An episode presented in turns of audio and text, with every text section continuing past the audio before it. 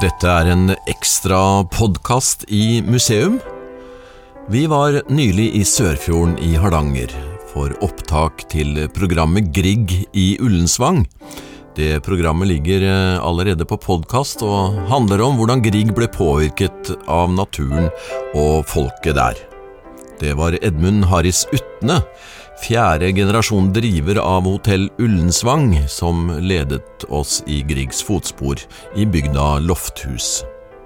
Musiker Ragnhild Opedal Utne var også med, og det er hun som spiller Grieg her i bakgrunnen. Det var ikke bare Grieg som lot seg begeistre av stedet. Mange av den tids kjendiser var her, og til slutt kom Bjørnstjerne Bjørnson. Han var i utgangspunktet i tottene på hardingene av språkpolitiske grunner, så nå skal vi høre Edmund Harris Utne hvordan dette besøket gikk. Der henger hun som eh, Altså min oldemor, hun gamle Brita, Ja. som eh, da hadde så god kontakt med Edvard Grieg. Og så var det jo litt artig, da. For det at eh, Edvard Grieg og Bjørnstjerne Bjørnson var jo veldig gode venner. Ja. Og Grieg, eh, eh, på grunn av den språkstrien, språkstriden sant? Bjørnson han var jo opptatt av riksmålet. Det var liksom det som var kulturen. Og hardingene de var hardnakkere på at det var nynorsken, det var dialekten. Kom ikke her, Bjørnson. Vi vil ikke ha noe eh, sånn eh, kommentarer på det. Men han drev på og, og hersa med har- hardingene på Østlandet. Han fortalte så mye eh, negativt om hardingene og språket. Ja. Og Giggs tenkte at eh, tenk om han kunne fenge Bjørnson til å komme til Harringene. Hva som da ville skje? Så var, eh, var Bjørnson invitert til 60-årsdagen til Edvard Grieg i Bergen. Tre dagers feiring i gamle losjen. Og da kom Bjørnson og sønnen Erling, og så hun Hva heter heter kona? Karoline. Karoline. Hopp Karoline, det var derfor jeg husker det. ja. Så de eh, kom da, og på veien hjem så fant Bjørnson ut at han eh, skulle besøke Hardanger. Og da ved Jonsokti 21.6 i eh, 1903, da kom Bjørnson seilende inn ifra Griegs bursdag. Grieg orka ikke være med, for han var, han var så trøtt. Så kom de inn fjorden, og overalt hadde de heist flagg. Hele fjorden inn gjennom. Og, og Bjørnson tenkte at eh, det var noe merkelig. Hvorfor de flagger. Når de svingte rundt Børveneset, så i tillegg til flagg, så var det kveikt varder. Til og med oppå Børvehovden var det. Og da var det han skjønte skjønt at nå er det noe på gang. Så han gikk opp på brua og snakket med kapteinen på, på Dampen, Helge Aga. Unnskyld, herr eh, Helge. Hvorfor, hvorfor alle disse flaggene og vardene rundt omkring? Snudde han Helge seg, og sa dette er for dem, herr Bjørnson. Og Bjørnson var helt ifra seg. Han, han da, da, da, du vet, sånn, sa- eh, sånn eh, stemningsmenneske som han Ja, var. Sant? ja. Hva skjer nå? Han kom inn, og han som hadde vært så forbannet på hardingene i alle dager. Så kommer legger til brya her borte. Da står hele bygda i bunad og tok imot ham. Ja, men dette er jo kultur. Hadde ikke visst dette skulle jeg kommet før. Og så gikk han i land og ble veldig godt mottatt. De hadde lagt et, altså begynte han på hotellet da, se. oldemor. Eh, Så hadde de lagt til et gjestebord på Korsvoll. Et fantastisk ungdomshus som er bygd på dugnad, dekorert av Lars Kinsarvik. Og en, en, en talerstol utskåren av samme mann. Og der skulle Bjørnstjerne Bjørnson holde tale til bygdefolket. Og når han gikk opp på talerstolen, så sitter de altså i bunad hele gjengen. Og så hadde han forberedt seg med et manus så tjukt som en telefonkatalog. Sant? Og han ser utover det og klarte ikke å få fram et ord, så han legger ned hele manuset sitt i talerstolen, og så snakker han til folket ifra levra. Og så ble de så begeistra. Når han var ferdig, så reiste de seg, og så synger de 'Ja, vi elsker'. Vet du hva? De sang min sang. Han var helt ifra seg. Og så når han gikk ut derifra, fra Krossvoll, på vei bort til hotellet. Da gikk han med hatten under armen.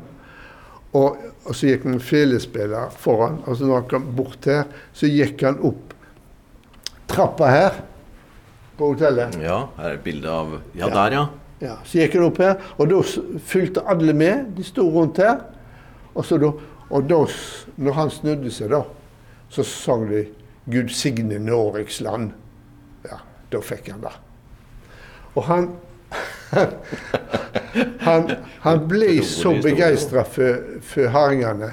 In- Etter den tid så var han det, det var liksom eh, det beste som kunne skje. Han var mykna, han var ja, fullstendig. Han var fullstendig. Han satte seg i en krok inne i salongen rett innenfor uh, der, og sa ikke et ord. Nei. var ei som heter Ebba eh, Anker, som var med han. Så var i slekt med han. han uh, hun, eh, hun eh, trodde det var noe gale, det var, og, og Karoline hun, hun var jo redd for han. Men dagen etter så sa han at, eh, til oldemor eh, Fru Brita, jeg må få lov til å være en natt til. Og var da han fikk hest og kjerre til å kjøre han rundt i bygda for å se og hilse på, på folket. Men hva som skjedde da, da tør jeg ikke si på, på etere. for, ja. Nei, jeg kan slå av, ja. Nei, du, du.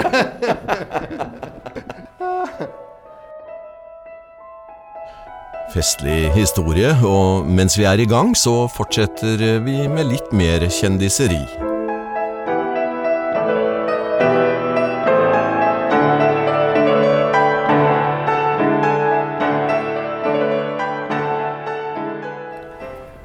Bull var her på, på bursdagen til, til Grieg, ja. I, når han var 36 år, ja. så, så var han her inne.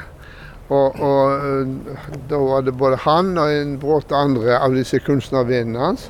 Det var jo ganske stort. Han holdt tale, et, møte eller forsamling med bygdefolk og fortalte de at Edvard Grieg vil, vil sette bygda Loftus på kartet i sin eh, form av dyktige kunstnere osv. Så, og han Så skulle de feire dagen, da. Og så var det sånn eh, var de, eh, han, Gammel Andersen, han eh, som var òg en venn Grieg, han hadde en sånn stor altan framfor huset sitt. Så der skulle de sitte. Og, eh, og så eh, Men så eh, plutselig, så, så når de var vel ute i middagen dette, så Hvor var Ole? De fant ikke Ole. Så var det oldemor og Brita. Jeg veit hvor han er. Så gikk jeg opp til Torkjell. Torkjell Oppedal han bodde oppe i noe de kalte for Bunkerstova, oppe under Stryteberg. Et bitte lite hus. Og um, Ole Bull hadde hatt eh, Torkjell med seg til Bergen på eh, konserter.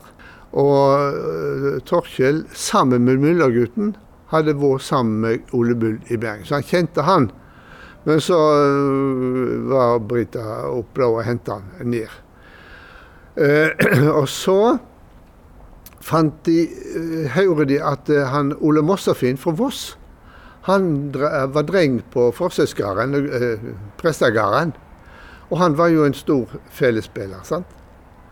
Eh, og da fant de ut at han må vi få til med oss i dette gipsstokslaget.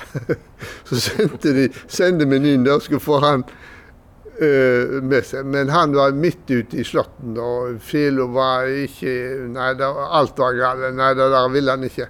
Men de overtalte han, og så tok han med seg fela og fjellga seg litt. Og så kom han bort til disse størrelsene. På der sitter altså Edvard Grieg, Nina Grieg, Ole Bull og, og, og, og eh, han eh, Svendsen og Halvorsen. Hele gjengen. Må bare skyte inn her at eh, det er komponistene Johan Svendsen og Johan Halvorsen Utne snakker om her. satt der. Og så kommer da han Ola Mossafinn rett ifra Slåtten. Så skulle han spille, da, men det var ikke, i begynnelsen så var ikke det eh, særlig bra. Men så snakket de han opp, og så fikk han seg en øl og to. Og da ble det saker. Og så, eh, For da sa, sa Grieg at hvis, det, hvis du spiller dere nå, så skal jeg og eh, jeg spiller, så skal Nina synge til. Ja, så da kom han på glid. Og, og enden på viset var at eh, at um, uh, Ole Bull og Ola Mossafinn og Torkjell spilte i lag oppe i dette huset. Og på resten så, så skulle Edvard Grieg og, og Ole Bull spille. Han satte seg med piano, han eh, Edvard Grieg, og så var det Ole Bull som skulle spille. Så skulle de ta Seterjenten søndag. Sant? Ja da. De starta opp. Og, men midt i seansen så smeller Grieg piano igjen. Det nytter ikke å, å spille sammen med deg, Ole. For han hilser ikke til Nei. Nei. Så det var, var skikkelig Grieg opplevde et stort ras mens han var i Ullensvang hele vinteren 1877 til 1878. Det gjorde inntrykk, og Dovregubbens hall fikk seg en smell.